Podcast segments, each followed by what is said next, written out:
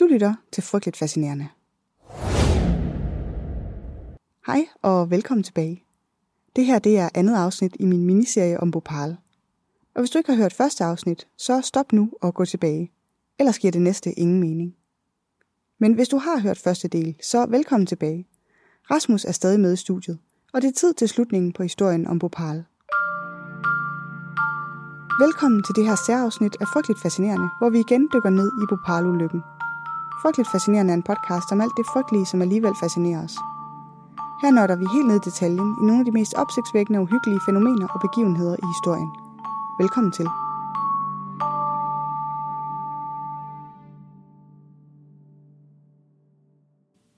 Og øhm, jeg tror egentlig, det er, det, er, det er katastrofen og det, der sker, og hvorfor det sker. Men så går der jo nogle år. Vi skriver ikke øh, år 1984 længere. Øhm, så, så de her mennesker, som øhm, bor i området omkring Bhopal, dem som er efterladte, øhm, dem som har pårørende, der er døde, de skal jo så videre. Og så kan man jo godt øhm, håbe, at sådan et firma med så mange liv på samvittigheden, de tænker, øh, det kunne godt være, at vi skulle tage en form for ansvar for det her. Øh, det var godt nok en upser. Øh, hvad må vi kan gøre for at hjælpe lokalbefolkningen? Øh, gør de så det? Jamen altså, der, den, den øverste topchef for, det er en kæmpe stor virksomhed for Union Carbide, Warren Anderson. Han rejser til, øh, øh, til Indien øh, et par dage efter, øh, for at lave øh, krisestyring på den her øh, situation. Og, øh, og det er jo altså det er jo et selvstændigt datterselskab, som er ejet af det internationale Union Carbide, det her Union Carbide India øh, Limited. Øh, og, øh, og, og der, altså man vurderer, at øh, øh, allerede på det tidspunkt, der ved man godt, der er rigtig mange dødsoffer. Altså, der er nogle, nogle øh, religiøse traditioner, der siger, at øh, i det her område, så skal man begrave sin døde meget hurtigt inden for et døgn og den slags. Så, så der er måske en lidt mangelfuld øh, registrering, og man kan godt forestille sig sådan et øh, indisk øh, slumkvarter, det er ikke øh, der sådan noget som folketællinger og kommunekontorer og den slags har allerbedst styr på præcis, hvem der bor hvor. Men, men, men man ved allerede her i dagene efter, at der er nok mindst 3.000 døde, og, og man regner med omkring 200.000 er blevet påvirket på en eller anden måde, altså enten ved at være kvæstet, eller ved at miste arbejde, og, altså, fordi hele det her område jo ligesom går i undtagelsestilstand. Så der er rigtig, rigtig mange, øh, øh, der, er, øh, der er rigtig mange interessenter øh, i, øh, i efterspillet. Så det ved Warren Anderson godt, at han skal over. Han tager over, han, han, øh, øh, han skal mødes med den øh, indiske premierminister, Rajiv Gandhi, også, så der er sådan en national fokus på det Og så, og så sker der jo det, der altid sker sådan nogle store katastrofer. Der indledes en jagt på øh, søndebukken, på den ansvarlige. Ikke? Det er sådan meget menneskelig faktor, kan man sige, og, og, og at, at man vil meget hurtigt have udpeget, hvem er skurken. Og det, det bliver jo så Warren Anderson, der bliver øh, personifikationen af skurken, selvom han i virkeligheden er direktør for det globale moderselskab, og ikke for det indiske. Øh, der ligger nok også typisk det her i, at så er han en udefrakommende øh, i stedet for den indiske chef, som, øh, som var for, for selve fabrikken. Så det er, der er demonstrationer øh, med store skilte med død over morderen Andersen og sådan noget, han bliver mødt med i, øh, i, øh, i området her. Og han bliver spurgt, øh, han flygter så nærmest ind i deres øh, privatfly igen for at komme tilbage, fordi det er nok ikke noget ret sted at, at befinde sig i Indien øh, på det her tidspunkt for Brian Anderson. Så bliver han spurgt, om han vil vende tilbage til Indien og, øh, og lade sig retsforfølge. Der får han så sagt, øh, eller han siger øh, på vej ind i flyet, at jeg vil vende tilbage til Indien, når som helst retssystemet måtte øh, øh, kræve det af mig. Det gør han så ikke.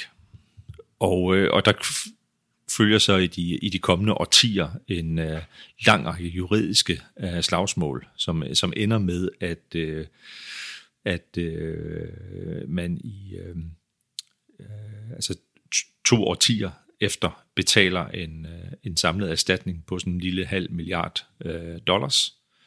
Øh, der er øh, på det tidspunkt øh, Union Carbide blevet øh, købt af den endnu større koncern, der hedder Dow Chemicals. Øh, og der, der siger man så, der sådan fra virksomhedens side afslutter man den her sag ved at udbetale det her øh, erstatningsbeløb. Problemet er jo så bare, at der er ikke ret mange af de penge, der finder vej til slumkvarteret Kali, eller resterne af det, og de mennesker, der, der boede der øh, dengang i, i 84, og deres pårørende. Fordi der er et, øh, man skal sådan forestille sig, et, et, et kæmpe hierarki af mere eller mindre øh, korrupte anløbende advokater indimellem, som har øh, øh, foregivet at repræsentere grupper af de, øh, af, de, øh, af de ramte, og så ender pengene ligesom der, og forsvinder for en stor dels vedkommende øh, af, af påstanden fra kritikere af den her proces ned i øh, de her mellemmænd, altså de her advokaters lommer, øh, i stedet for at ende ud hos dem, det egentlig gik over, ud over. Nu med lidt øh, hurtig hovedregning, så selv hvis sådan en halv milliard øh, er endt, selv hvis, hvis alle pengene endte hos øh, folk, der var påvirket af det, så hvis der er omkring 200.000 mennesker, anslået 200.000 mennesker, der er påvirket, så skal der ikke så meget hovedregning til at regne ud, at, at så frygtelig mange penge per person, er det, altså selvom en halv million, selvom en halv milliard kan lyde af meget, så er det jo ikke så frygtelig mange øh, penge per, per påvirket person. Nej, jeg kender ikke de præcise tal for, hvor mange der rent faktisk på papiret er tilkendt erstatning. Det er ikke 200.000. Det var, det var omfanget, man vurderede der i tilbage i december 84 af, af, af personer, som på en eller anden måde var påvirket af, af katastrofen. Men, øh, men det er i hvert fald et faktum, at meget få midler overhovedet fandt frem til dem, som rent faktisk var blevet øh, ramt af, af katastrofen. Og det er jo, det er jo desværre også noget, man ser i øh, katastrofehistorien. Altså det er ligesom den hele kampen med forsikringsselskaber øh, kan være langt mere øh, belastende. Man lavede en stor undersøgelse af en selve katastrofen, ikke? Man lavede en stor undersøgelse øh, i øh, tiden efter øh, fyrværkeribranden i Seest i 2004, hvor rigtig mange angav, at øh, at en ting var fyrværkeribranden og den store eksplosion, ja ja, men det var den opslidende kamp med forsikringsselskaberne om erstatning for deres øh, ejendomme, der var gået i stykker. Det var den, der var traumatiserende. Og det har det helt sikkert også været, øh, hvis man har boet som øh, indbygger i det her område af Bhopal. Hvad sker der så efter? Nu der er ikke rigtig nogen, der bliver juridisk øh, stillet ansvarlig. Der er ikke rigtig nogen, der får nogen sådan øh, monetær erstatning. Men ændrer det noget? Altså, vi, vi skal lige, øh, lige runde Warren Anderson lad os igen, det. Ja, som jo bliver, øh, ham. han går under radaren, øh, og, øh, og øh, sådan, øh, og bliver fundet af nogle journalister i 2002, finder man frem til ham, og han har ikke ret meget lyst til at tale med øh, pressen på, øh, på det tidspunkt. Og han bliver faktisk forsøgt, øh, altså han bliver krævet udleveret af Indien, men det, øh, det nægter den... Øh, øh den amerikanske øh, regering, de amerikanske myndigheder nægter at udlevere ham øh, på grund af manglende bevisbyrde. Og der er også en hele den her, den her konstruktion med det datterselskab. Det kan være meget bekvemt, for man ligesom kan lægge afstand til at sige, det er jo der ansvaret var. Så han bliver ikke udleveret. Han dør i, øh, han dør i øh, 2014, øh, øh, Warren Anderson, men, men fortsætter med, hvad skal man sige, at være sådan ansigtet på øh, personificeringen af, af den her øh, pengegriske øh, kæmpe virksomhed, som øh, eksporterede sin øh, risici til, til Indien uden at tage ordentligt vare på, øh, på sikkerheden. Og så sker der noget i Bhopal. Så sker, eller i, i, i jeg ved ikke, om der sker noget i Bhopal. Der sker noget i verden, for efter man har set den her katastrofe, så tænker man, kan vi gøre det her lidt bedre i andre, i andre tilfælde?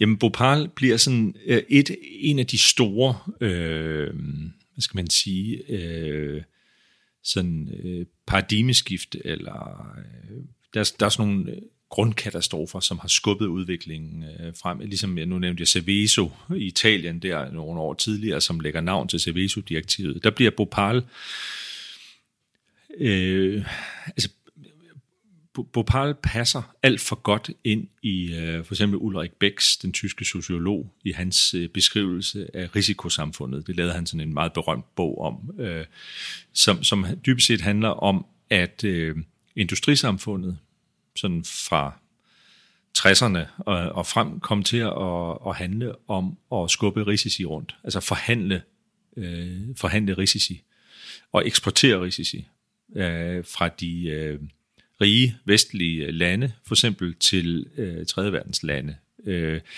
eksportere forurening og eksportere øh, Øh, risiko for øh, arbejdsulykker og den slags. Det er jo det samme, vi diskuterer stadigvæk i dag i den grønne omstilling. Altså, øh, øh, det, det giver jo nogle gange lidt en dårlig smag i, i munden, når man ellers i, med god samvittighed kører rundt i sin elbil, når man så øh, finder ud af, under hvilke øh, forhold øh, batterier, altså øh, sjældne jordarter, øh, metaller, bliver udvundet for at lave øh, batterier til elbiler. Så det, det er jo en uafsluttet diskussion, den her om, hvad, hvad har vi af ansvar for at eksportere risici øh, til øh, andre dele af, af verden. Abir Bhopal sådan et meget klart eksempel på, øh, hvor galt det kan gå. Og så bliver Bhopal også inden for sådan sikkerhedsvidenskab øh, en game changer.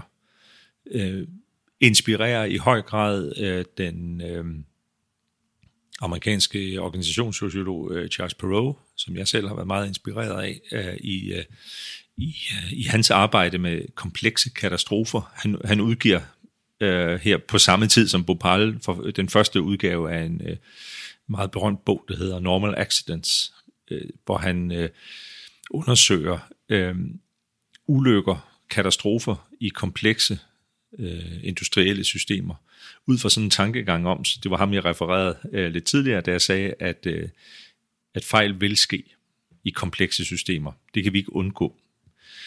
I stedet, så, så i stedet for at forsøge at undgå dem, så skal vi inddæmme dem. Så skal vi øh, lave bufferzoner i systemer. Vi skal, øh, vi skal øh, forhindre, at små fejl udvikler sig til kaskadeeffekter, der får hele systemer til at bryde sammen. Så han har sådan en systemteoretisk tilgang til, øh, til sikkerhed, og, øh, og det bliver på mange måder sådan et nyt paradigme i sikkerhedstænkning op igennem øh, 80'erne og 90'erne.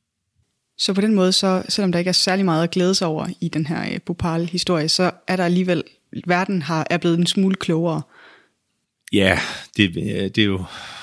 Nej, efter, efter at have beskæftiget mig med det her i mange år, så, så, øh, så vil jeg øh, generelt, så finder vi hele tiden på nye øh, måder at slå os selv ihjel på. Ikke? Men, men i hvert fald inden for sikkerhedsforskningen, der bidrager Bhopal til en øh, anerkendelse af øh, normalfejlsprincippet i komplekse øh, systemer, som, som er sådan et klassisk eksempel, som, øh, som bliver brugt øh, af mange teoretikere øh, til, at, til at beskrive også det her med, også inden for det, man kalder meningsdannelse. Altså det med, at der står en enkelt ansat på øh, fabrikken, og har at gøre med en lille del af den, og renser det her stykke rørledningen, men kommer til at påvirke hele systemet, men ikke rigtig kan gennemskue det. Ikke? Altså, og det, det er også blevet brugt som case, blandt andet en, øh, en teoretiker, der hedder Karl Weick, øh, til at, at beskrive det her med meningsdannelse. Altså, hvordan danner vi mening i og forståelse for en helhed, vi indgår i, ud fra nogle spredte ledetråde og en, øh, øh, en mangel på fuld indsigt. Så, så der, øh, man kan sige, i forskningen og i udviklingen af sikkerhedstænkning, der har Bhopal spillet en, øh, en rolle inden for processikkerhed, som kan sammenlignes med uh, Tenerife-flyulykken i 77 med de to jumbojets, der, øh, der brager ind hinanden. Dens betydning for, for flyvesikkerhed, for eksempel. Der er den, den opmærksomme lytter ved, at det har jeg også et podcast-afsnit om, og det kan man jo gå ind og høre efter det her, hvis man, hvis man gerne vil... Selvfølgelig skal man, det skal man have et podcast-afsnit om. Det skal man da have et podcast-afsnit om. Øhm, tusind tak for det, Rasmus det var, øh, det var virkelig, virkelig øh, fedt, og det, var, det har været en så god, øh, skal jeg sige hjælp, det er lidt uretfærdigt, når du har lavet alt arbejdet og kaldt det hjælp, men det har været virkelig, virkelig godt at have nogen med på det her afsnit om Bhopal, fordi der er så mange øh, løse dele og så meget at holde styr på. Øh, så har jeg taget en lille overraskelse med. Mm-hmm. Øh, jeg overrasker dig garanteret ikke, du ved det sikkert allerede i forvejen, men øh, fordi jeg altid er... Øh, vild med sådan en god vinkel af nogle øh, slamper, der, der løber fra deres ansvar, og som på en eller anden måde sådan smager en lille smule retfærdighed for det. Øhm, så har jeg taget en lille kort historie med om sådan en aktivistgruppe, der hedder The Yes Men. Og øhm, de er fantastiske på, øh, på rigtig mange måder, men de, øhm, de er sådan lidt de er også over det her forlig, som øh, Union Carbide laver med øh, den indiske regering, og det her, øh, den her sådan, udbetaling af mm. kompensation, og de er også, hvor de penge de ender henne. Øh, og så ærger de så også over, at øh, Warren Anderson, som du jo også øh, lige har fortalt lidt om, at han øh, stiller sig op efter den her øh, kompensation er gået igennem i et tv-interview, og så lover han, at hans investorer i firmaet, de kommer ikke til at mærke den her kompensation overhovedet. Øh, og det får han ret i. Øh, det har nærmest ingen effekt på virksomhedens økonomi, at de skal udbetale den her erstatning. Ret stor effekt på samfundet og indbyggerne i Bhopal. Ingen effekt på virksomheden. Det er sådan noget, der normalt gør mig godt gammeldags rasende. Nu prøver jeg at være sådan lidt mere øh, kontrolleret, når der er gæster i studiet. Men så sker der noget, som giver fornyet håb for en lille smule øh, social retfærdighed. Dow Chemicals, som du også har været inde på, de opkøber øh, Union Carbide – Øhm, måske kender du ikke Dow, men det er faktisk stadig i dag øh, et af verdens største firmaer. Mm. Det var det også på det her tidspunkt. Det er en gigant, gigant kemivirksomhed. Milliarder af milliarder. Og i 2001 øh, så annoncerer Dow, at de har tænkt sig at opkøbe Union Carbide.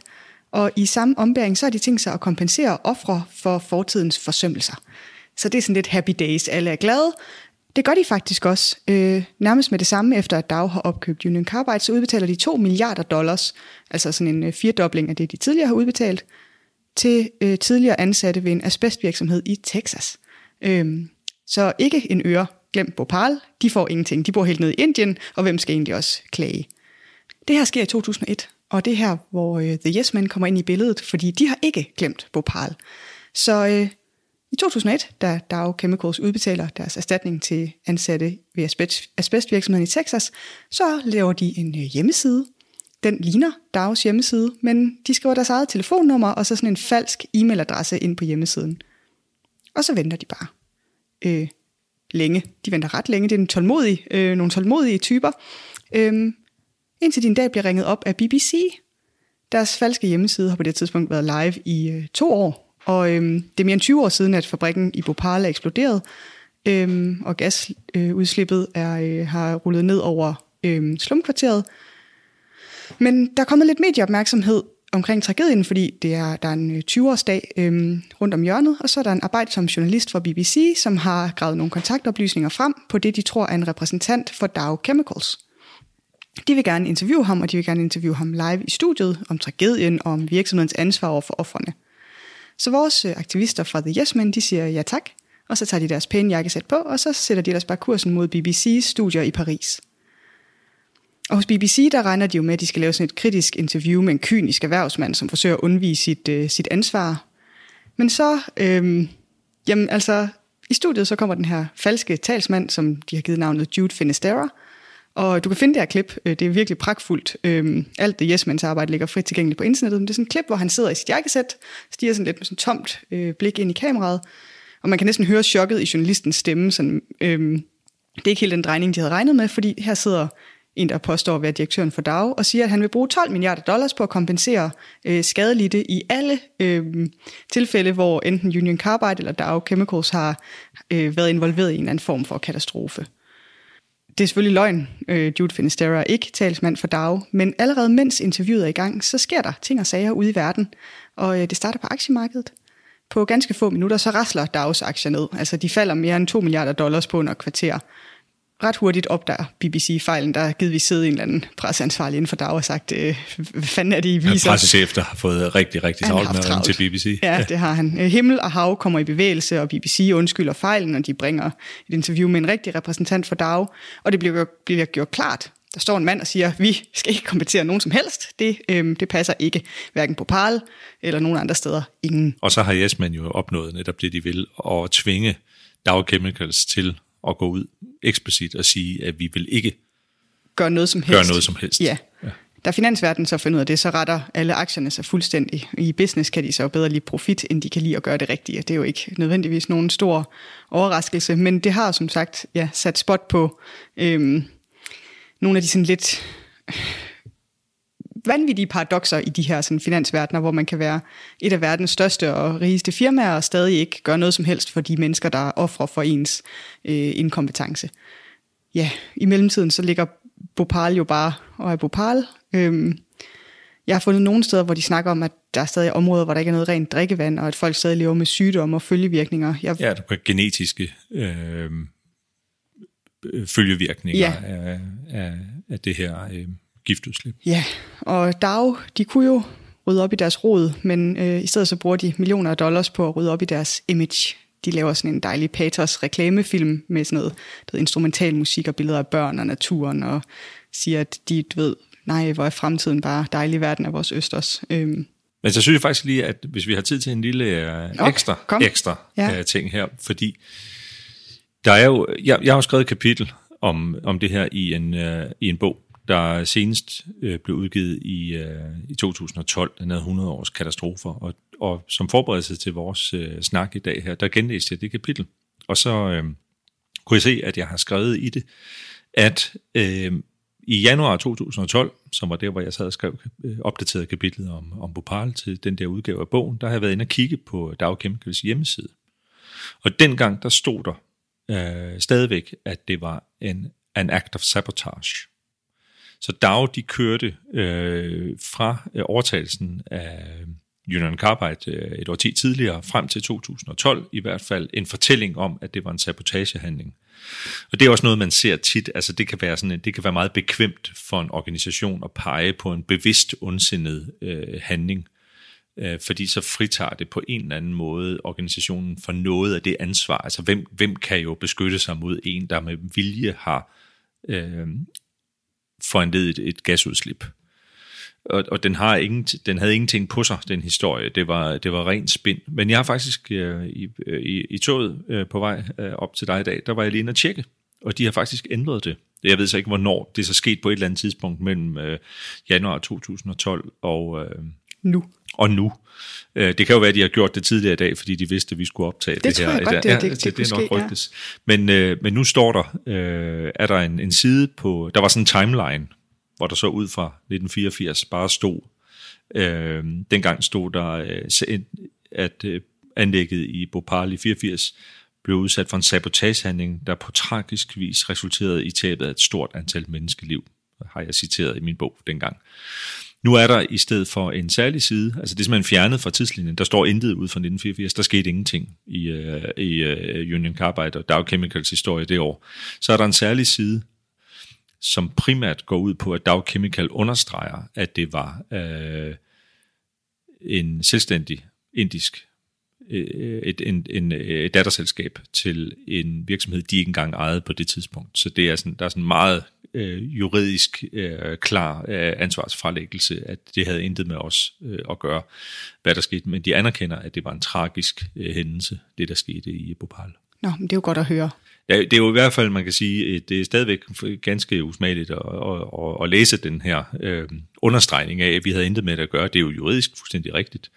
Øh, men, øh, men det er dog bedre end en, øh, øh, hvad skal man sige, falsk historie om sabotage for at fjerne øh, fokus fra, øh, fra det manglende ansvar for sikkerhed og beredskab.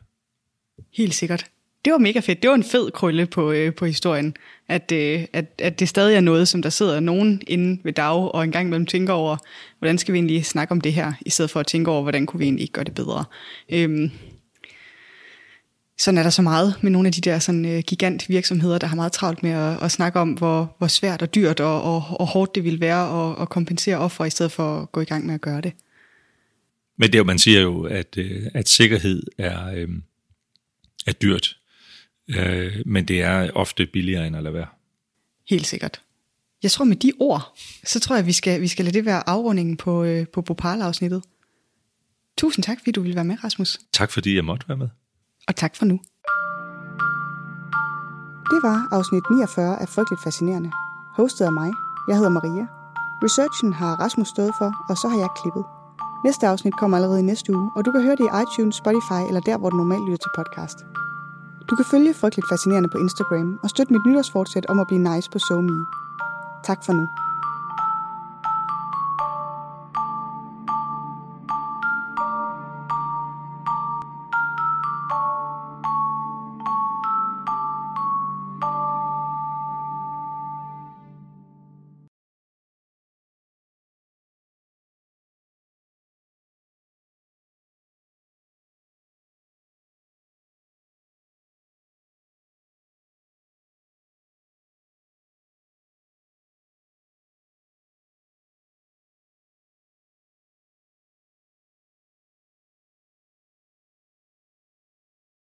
I researchen til afsnittet har jeg brugt oplysninger fra Rasmus Dalbergs bog 100 års katastrofer og The Yes Mans hjemmeside.